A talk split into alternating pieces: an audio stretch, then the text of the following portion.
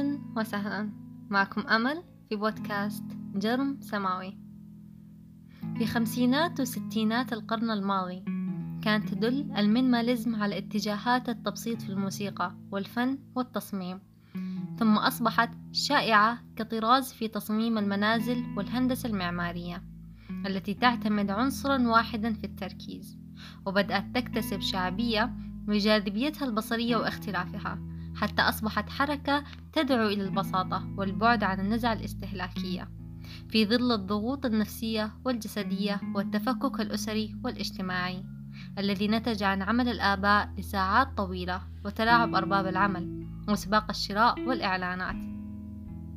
سؤال ماذا لو كل شيء كنت تريده في الواقع أنت لا تريده؟ يطبق ال minimalism أو التبسيط المقولة الشهيرة للمعماري العالمي ميس فان less is more الأقل هو الأكثر. تعتبر ال minimalism حركة حديثة تخالف التيار الاستهلاكي العام ولكنها في الحقيقة ليست صيحة جديدة بل لها تاريخ يعود إلى آلاف السنين وتطورت لتصبح حركة فنية ونمط حياة. من الناحية الدينية الأديان السماوية وغير السماوية دعت إلى الزهد بمعنى التقليل من الاحتياجات. خليني أحكي عن شخصين يعتبروا من رواد منهج التبسيط راين وجاشوا صديقين من الولايات المتحدة. اكتشفوا المينيماليزم وقرروا يقللوا من مقتنياتهم العديدة للتركيز على أكثر الأشياء أهمية في حياتهم زي الصحة، العلاقات، الشغف، التطور والمساهمة. يقول أحد الصديقين اللي مستواه الوظيفي ودخله كان يعد ممتاز. أنا سأتم الثانية والثلاثين في الشهور القليلة القادمة ولأول مرة في حياتي أنا خالي من الديون. المقولة هذه خلتني أذكر عدد الأشخاص اللي قابلتهم وحكولي أن كل ما زاد دخلهم زادت احتياجاتهم. بالتالي أصبح من اللازم عليهم مجاراة مستوى اجتماعي معين. اللي يخلي الشخص يغير جهازه النقال لمجرد ظهور النوع الأحدث. الشيء اللي يسلب راحة الشخص وينزع شعور الاطمئنان. فمهما, فمهما وصل الشخص يظل يركض. عالمنا اليوم يعيش بوتيرة سريعة في كل شيء. يعمل الناس لساعات طويلة ليتمكنوا من دفع الفواتير والأقساط وشراء المزيد ولكنهم غالبا ما يقعون في الديون. يعيش الكثيرون في حالة من التشتت فينتقلون من نشاط إلى آخر ويقومون بمهام متعددة ولكن بدون إنجاز حقيقي في كثير من الأحيان.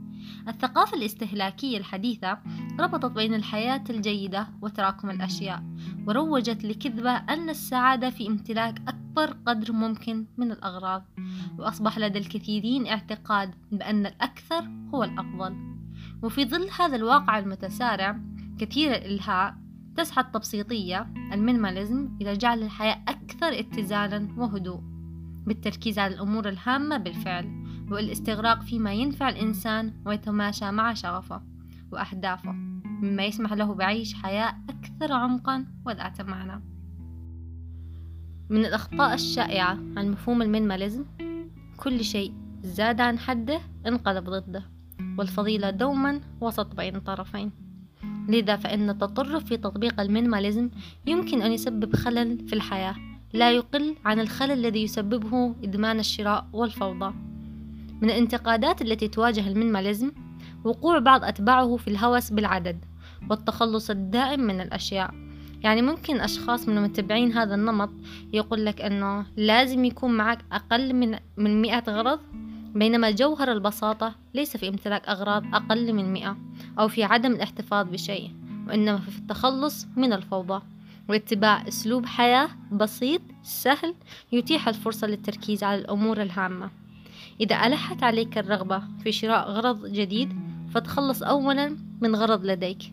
إذا أعجبتك قطعة من الثياب وشعرت أنها ملائمة لك فتبرع أولا بقطعة موجودة في خزانتك.